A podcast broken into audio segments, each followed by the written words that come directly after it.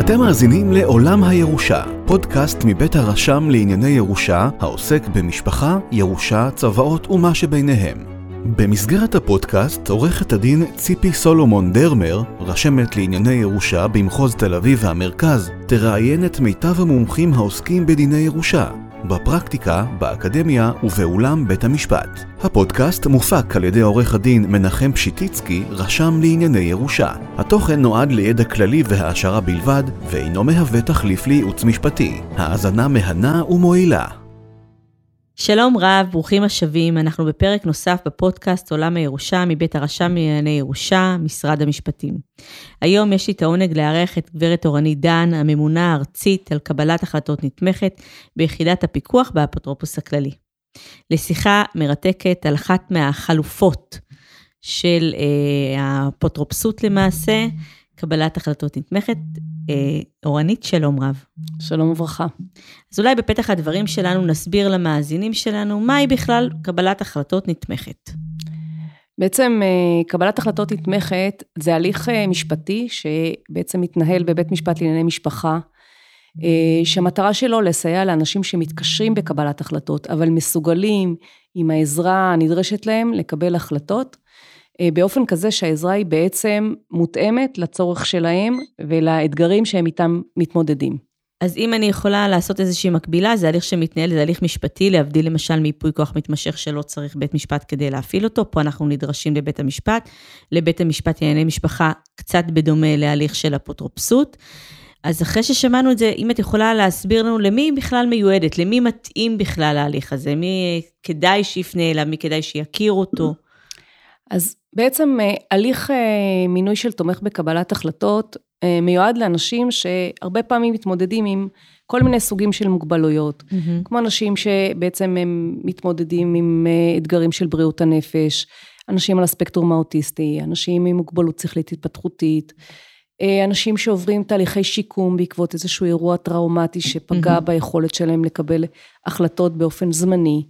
אה, וגם אוכלוסייה של אזרחים ותיקים שנמצאים הרבה פעמים בשלבים ראשוניים של מחלות דימנטיות, כמו אלצהיימר, אה, מחלות דומות שבעצם אה, עתידות להוביל אותם למצב שהם לא יהיו מסוגלים לקבל החלטות, אבל בשלב ההתחלתי שלהם עדיין הם מסוגלים לקבל החלטות ככל שהם מקבלים את התמיכה שהם זקוקים לה. זאת אומרת שההליך הזה, להבדיל מההליך של אפוטרופסות וגם להבדיל מההליך של ייפוי כוח מתמשך, הוא הליך שמתאים לאנשים שכשירים לקבל את ההחלטות בעצמם ורק צריכים עזרה? לחלוטין. זה מיועד לאנשים שיש להם יכולת, שיש להם מסוגלות לקבל החלטות, אבל הם צריכים את התיווך. Mm-hmm. הרבה פעמים הם לדוגמה, הם מקבלים טקסט שהם לא מבינים מה כתוב בו, והם צריכים mm-hmm. שמישהו יסביר להם, לפעמים יקריא להם אותו, לפעמים יסביר להם את המשמעות של הדברים שכתובים. הוא מיועד לאנשים ש... אה, זקוקים הרבה פעמים להבין איזה חלופות עומדות בפניהם, אבל אין להם דרך להבין את זה, ואז צריך שמישהו יתווך להם mm-hmm. את החלופות אה, שעומדות אה, בפניהם. זאת אומרת, ברגע שהם מקבלים את המידע באופן, ואת ההסבר, הם ההסבר, בעצם מסוגלים לקבל את ההחלטה בדיוק. בעצמם, הם רק צריכים באמת את התיווך הזה? בדיוק. הרבה פעמים מדובר באנשים שלדוגמה סתם, יש להם קושי להגיע לפקיד שיסביר להם. לפעמים הקושי הוא טכני, והרבה פעמים הקושי הוא הרבה פעמים רגשי, או איזשהו חסם שהם צריכים להתמודד איתו. אבל זה לא שאדם שיש לו קושי טכני להגיע לפקיד, רק בגלל הקושי הטכני, בעצם הולך להליך של אה, קבלת החלטות נתמכת, אנחנו צריכים הרבה נכון, מעבר נכון, לזה. נכון, אנחנו מדברים על אנשים שהרבה פעמים החסם שלהם זה לא רק להגיע לפקיד, mm-hmm. זה הרבה פעמים להבין את מה שהפקיד אומר mm-hmm. להם.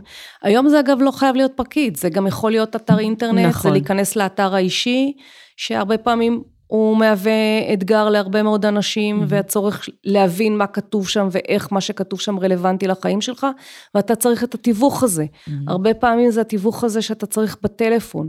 של להשיג את המידע דרך איזשהו מקור טלפוני. היום כל המערכות הדיגיטציה של, שמובילות את, ה, את המענים הטלפוניים זה מהווה אתגר מאוד גדול, mm-hmm. ואתה צריך מישהו שיתווך לך את זה, ושיהיה לו בעצם ייפוי כוח מגורם אה, מוסמך, mm-hmm. לתת לך את המידע, לקבל את המידע הזה בעבורך, ולמסור לך אותו. אז אם באמת אנחנו מגיעים למצב שבו אנחנו חושבים שכדאי אה, אה, לעשות שימוש בכלי הזה של קבלת החלטות נתמכת, מה צריך לעשות?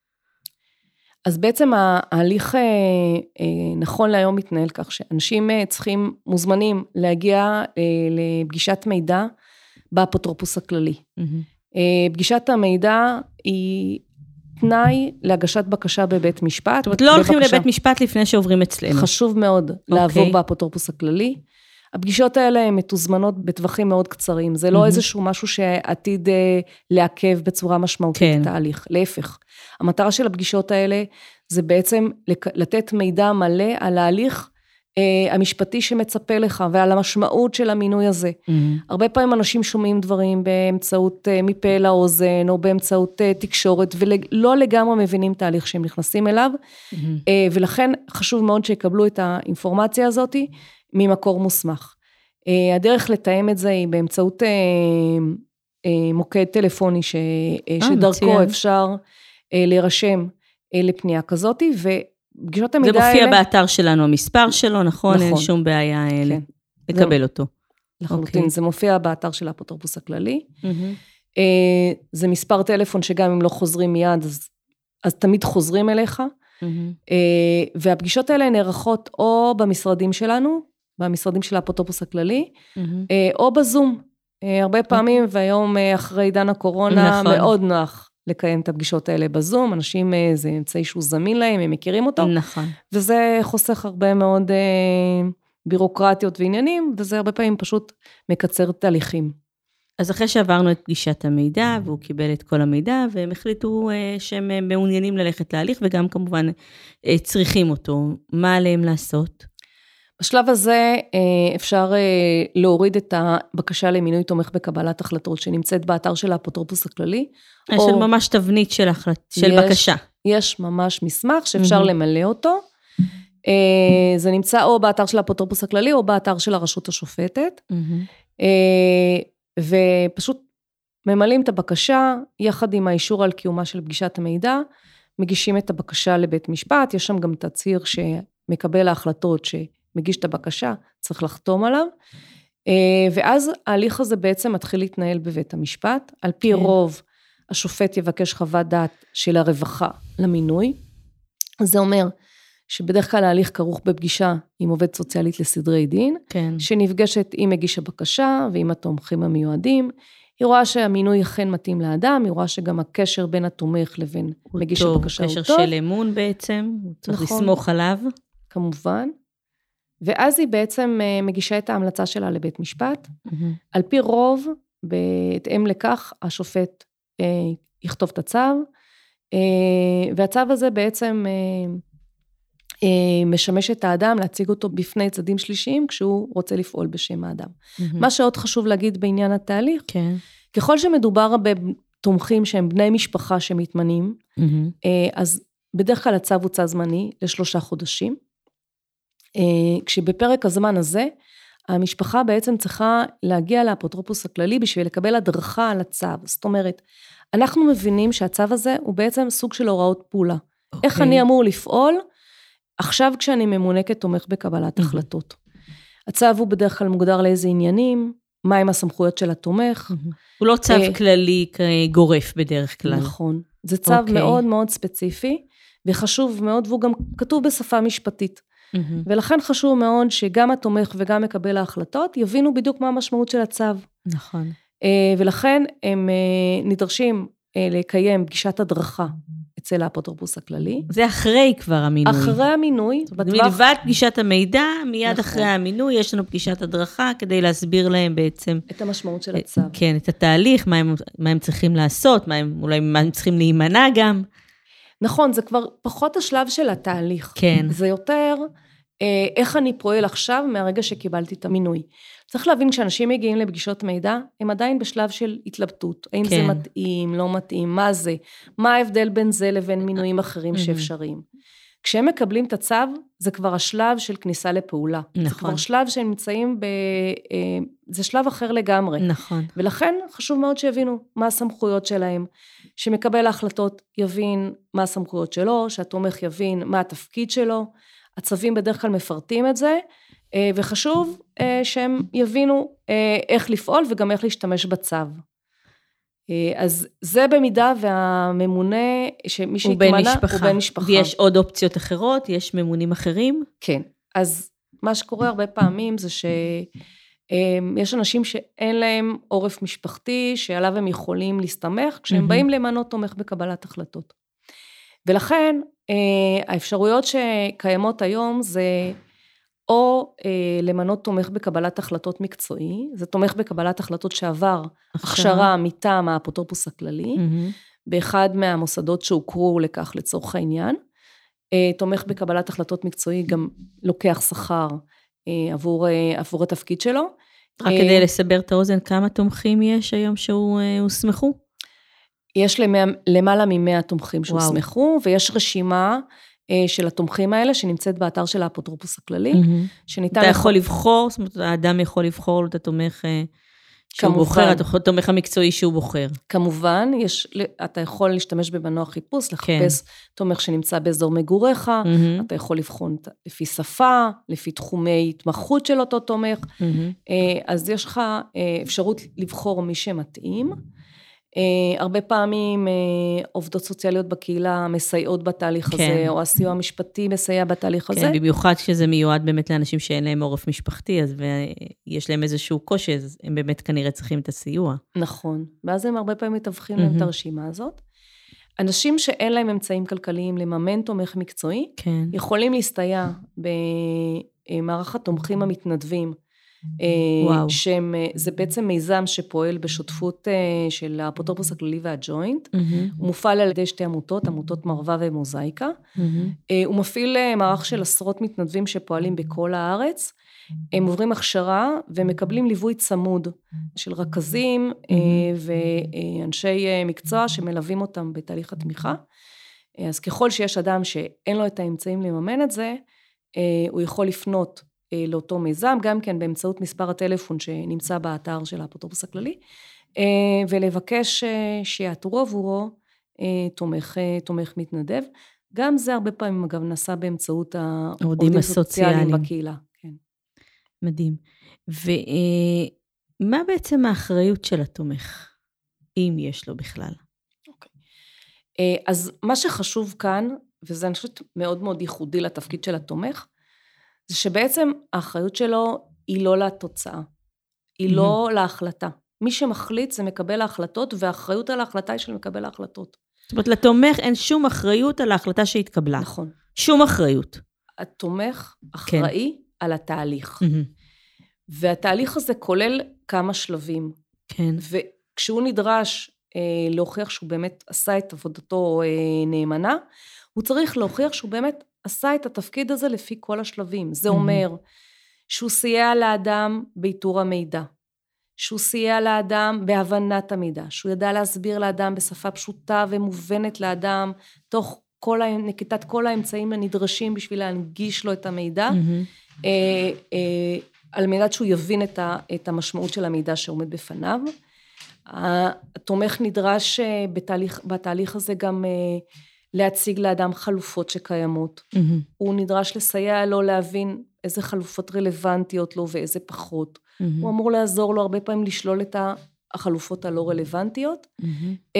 וכשאדם אה, נדרש לקבל את ההחלטה, חלק מהתפקיד זה גם להסביר לאדם את ההשלכות של, של ההחלטה שהוא קיבל, וגם את ההשלכות של ההחלטות שהוא לא קיבל. אה, אז אלה בעצם, אלה השלבים שהתומך אמור לעבור. היום אנחנו אה, יודעים להסביר את זה בצורה מאוד מאוד ברורה. גם אה, לאחרונה התפרסמה איזו חוברת, שמפרטת לפרטי פרטים את התפקיד של התומך ואיך הוא אמור להיעשות. חשוב מאוד שהתומך יפעל מתוך בירור רצונו של, העוד, של האדם, לאחר שהוא נבנה אמון בינו לבין, ה, לבין האדם. וזה בעצם התהליך שה, שהתומך צריך לעבור עם האדם. אה, ו... זאת אומרת, האחריות של התומך היא בעצם על הדרך, נכון. על הדרך לקבלת ההחלטה, ושם הוא צריך להפעיל באמת את כל אותם שלבים שפירטת, ויש לו מחויבות להפעיל את השלבים האלה, נכון? נכון. זאת אומרת, נכון. בבוא היום, אם מישהו יבוא אליו ויטען כנגדו טענות כאלה ואחרות, והוא יוכיח שהוא עשה את כל השלבים והוא באמת הסביר, והאדם עדיין בחר לקבל החלטה שהיא מוטעית, התומך לא, אה, נכון. לא ייתבע ולא תהיה עליו אחריות, כי הוא ביצע את תפקידו, וזה התפקיד שבית המשפט למעשה הורה לו לבצע. נכון. ואיך אה, צדדים שלישיים מסתדרים עם הצווים האלה של תומך בקבל החלטות? בנקים, לשחוט רישום מקרקעין, המקומות האלה. אוקיי, זאת שאלה סופר חשובה.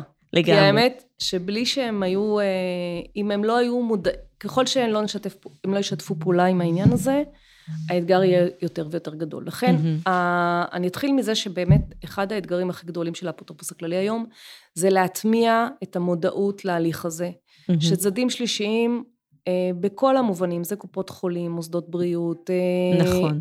אה, גורמים פרטיים, בנקים, משרדי ממשלה יהיו מודעים לקיומו של מינוי מהסוג הזה, כמו שהם מודעים למינוי של סליחה של אפוטרופוס. של ייפוי כוח מתמשך או אפוטרופסות. נכון. אז אני כבר אומר שהתהליך המרכזי נעשה היום מול הבנקים, ובעצם יש הבנה... מטבע הדברים, כן. כמובן, הם השחקן המרכזי בעניין נכון. הזה. אה, אז בעצם... הם בעצם אה, הגורם שבלעדיו אין, כאילו, אין, כולם צריכים להתעסק עם זה. כמובן. כמובן. לכן אה, התחלנו בעבודה, mm-hmm. העבודה הראשונית שלנו נעשתה איתם. היום יש לנו בעצם אה, מסמך הבנות עם הבנקים, שהבנקים מבינים מה המשמעות של אה, חשבון של אדם שמונה לו תומך בקבלת החלטות. זה בדרך כלל כמו כל חשבון של, של אדם אחר. זה לא דומה פרטי. לחשבון אפוטרופסות ולא כולי. הם מבינים את המשמעות של מינוי של תומך בקבלת החלטות. Mm-hmm. כן יכול להיות מצב לפעמים שמינו לאדם תומך בקבלת החלטות, ולצד זה בית המשפט בחר גם להגביל אותו מכל מיני סיבות, הגבלות כלכליות, וזה mm-hmm. מתוקף סעיף 68 לחוק. אה, ואז, ואז זה מפורט בצו. זה מפורט בצו, והבנקים אמורים לפעול על פי זה. Mm-hmm. מעבר לכך, אנחנו היום אה, פועלים כמעט בכל הערוצים על מנת להטמיע ולהגביר את המודעות. אה, ואנחנו חושבים שיותר ויותר צדדים שלישיים מבינים את המשמעות של זה, mm-hmm. וככל שהם לא מבינים, ואדם מציג להם את הצו, הרבה פעמים הוא גם יודע לתת להם את המספר טלפון שלנו, על מנת שאנחנו mm-hmm. נסביר לאותו גורם מה המשמעות של המינוי הזה. Mm-hmm. ויש מקרים שהתומך בכל זאת צריך לפנות לבית המשפט? ככל שהתומך מבין שהוא לא מסוגל לבצע את התפקיד שלו, mm-hmm. מכל בידי סיבות. זה יכול להיות שהוא מרגיש שיכול להיות שבפעולות מסוימות... אה, לא מקשיבים לא לו אולי. לא מקשיבים לו, יש פחות אה, קשר, יש פחות mm-hmm. תקשורת, אה, יש אולי פחות אמון, אז זו סיבה, והרבה פעמים הוא גם מרגיש שהנסיבות השתנו, או שהאדם, mm-hmm. המצב הבריאותי שלו השתפר, או חלילה המצב החמיר. ואלה סיבות, נסיבות שבגינן יש מקום לפנות. ואם uh, הייתי מבקשת ממך ככה, גם לתת לנו במספרים כמה בכלל תומכים בקבלת החלטות מונו עד היום, ועבור מי הם מונו, זאת אומרת, לפלח ככה את האוכלוסייה, מבוגרים, צעירים, בעלי מוגבלות כזאת או אחרת, יש לך נתונים לתת לנו? אז אני יכולה לומר, א', שבין החוק אושר ב-2000, באפריל 2016, במרץ 2016, והוא נכנס לתוקף באפריל 2018. בטווח mm-hmm. הזה היו בערך 60 מינויים, עוד לפני שהוא נכנס לתוקף. וואו. מאפריל 2018 ועד היום, אנחנו אה, מעריכים, כי מאחר והאפוטרופוס הכללי הוא לא צד בהליך, אז אין לנו נתונים מדויקים, אנחנו מעריכים שהיו כ-1,200 מינויים. Mm-hmm. אה, זה מבחינת מספר המינויים כן. תומכים.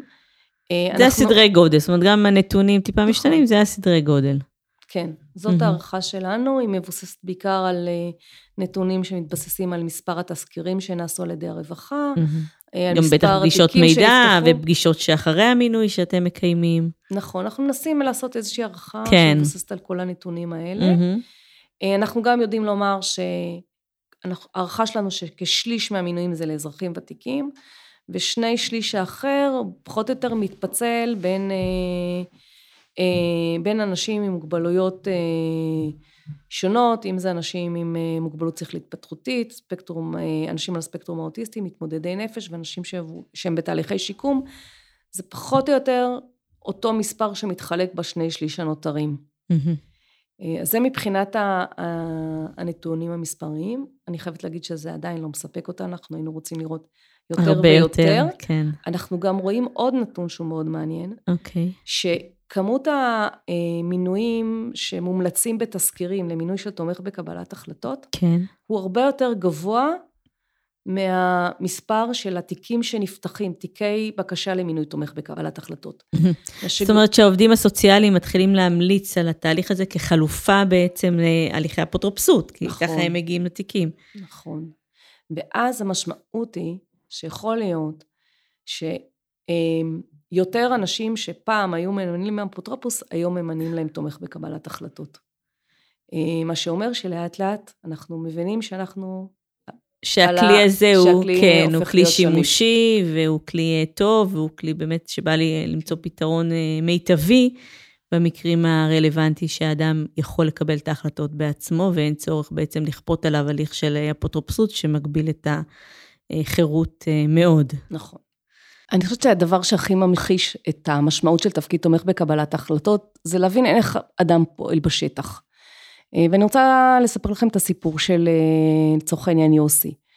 אה, יוסי פנה אלינו כשהוא שמע על המיזם של התומכים המתנדבים, ובערך באותה תקופה הייתה פנייה של עובד סוציאלית אל מערך התומכים המתנדבים, לסייע לאדם שאין לו עורף משפחתי, בתהליך מאוד קשה ש, שהוא עבר, מדובר על אדם שהתגורר בדיור ציבורי, היה צריך לפנות את הדירה, את הדירה שבה הוא התגורר מכל מיני נסיבות, והיה צריך כאן ליווי משמעותי בתהליך, בתהליך איתור דירה חלופית, אנחנו מדברים על אדם שהוא אזרח ותיק, גיל 70 פלוס, מתמודד עם הרבה מאוד עניינים של אה, עניינים רפואיים אה, מורכבים מאוד, אני מעדיפה לפרט, וגם אה, עם, עם מוגבלות מסוימת. והתומך שהוא בעצם אדם שבהכשרתו עורך דין, נדרש לסייע לו בתהליך של איתור דירה חלופית, כשאנחנו מדברים על מצב שהאדם נמצא תוך מספר חודשים מחוסר דיור, וצריך למצוא את עצמו באמצעים דלים מאוד, מאתר אה, דירה חלופית. אותו תומך אה, הבין את, הבין את האתגר המשמעותי שעומד אה, בפניו, הוא קיים אחר מספר מפגשים עם אותו אדם, נבנה שם אמון, האדם הביע את הרצון למצוא דירה חלופית ולא לעבור לאיזשהו, לאיזושהי מסגרת של דיור מוגן, או מסגרת שמיועדת לאנשים, לאנשים, לאזרחים ותיקים. אה, ואותו תומך לאחר שהוא הבין באמת את הרצון של האדם ואיפה הוא היה מעוניין לגור ובאיזה תנאים אה, וגם מה האמצעים הכלכליים העומדים לרשותו, יחד עם, עם מקבל ההחלטות התחילו בתהליך של אה, איתור, איתור דירה. הם חיפשו בהרבה מאוד מקומות, האדם מתגורר במרכז הארץ, אם אני לא טועה, בגבעתיים, והסתבר שמבחינת האמצעים הכלכליים הוא יוכל לגור רק בדירות בפריפריה, ובסיכומו של דבר, אחרי תהליך של מספר שבועות, וממש זמן קצר לפני שהוא היה צריך להיות מפונה מהדירה שלו, אה, הם מצאו ביחד דירה בטבריה. אה, התומך אה, סייע לו גם בתהליך ההתאקלמות בדירה, תהליך המעבר לדירה, בקשר עם הרשויות המקומיות בטבריה, אה, ובעצם אה, ארגן לו את כל, הת... את כל המעבר המאוד מאוד דרמטי הזה ממרכז הארץ אה, לטבריה, ואדם נשאר לגור בדירה משלו, שיש לו בה פרטיות, ולא נאלץ לעבור למסגרת, כפי שכנראה שאם התהליך הזה לא היה קורה, זה מה ש... ככה זה היה מסתיים. תודה רבה, אורנית, על שיחה מעניינת, מרתקת ובעיניי סופר חשובה. אה, על כלי חדש, שככה השימוש בו אה, רק מתחיל, ואנחנו מקווים באמת שרק אה, ילך ויגבר. תודה. תודה. נשתמע בפרק הבא. תודה שהייתם איתנו בעוד פרק של עולם הירושה, פודקאסט מבית הרשם לענייני ירושה, העוסק במשפחה, ירושה, צוואות ומה שביניהם. אתם מוזמנים להאזין לנו בכל אפליקציית פודקאסטים שאתם אוהבים. להתראות בפרקים הבאים.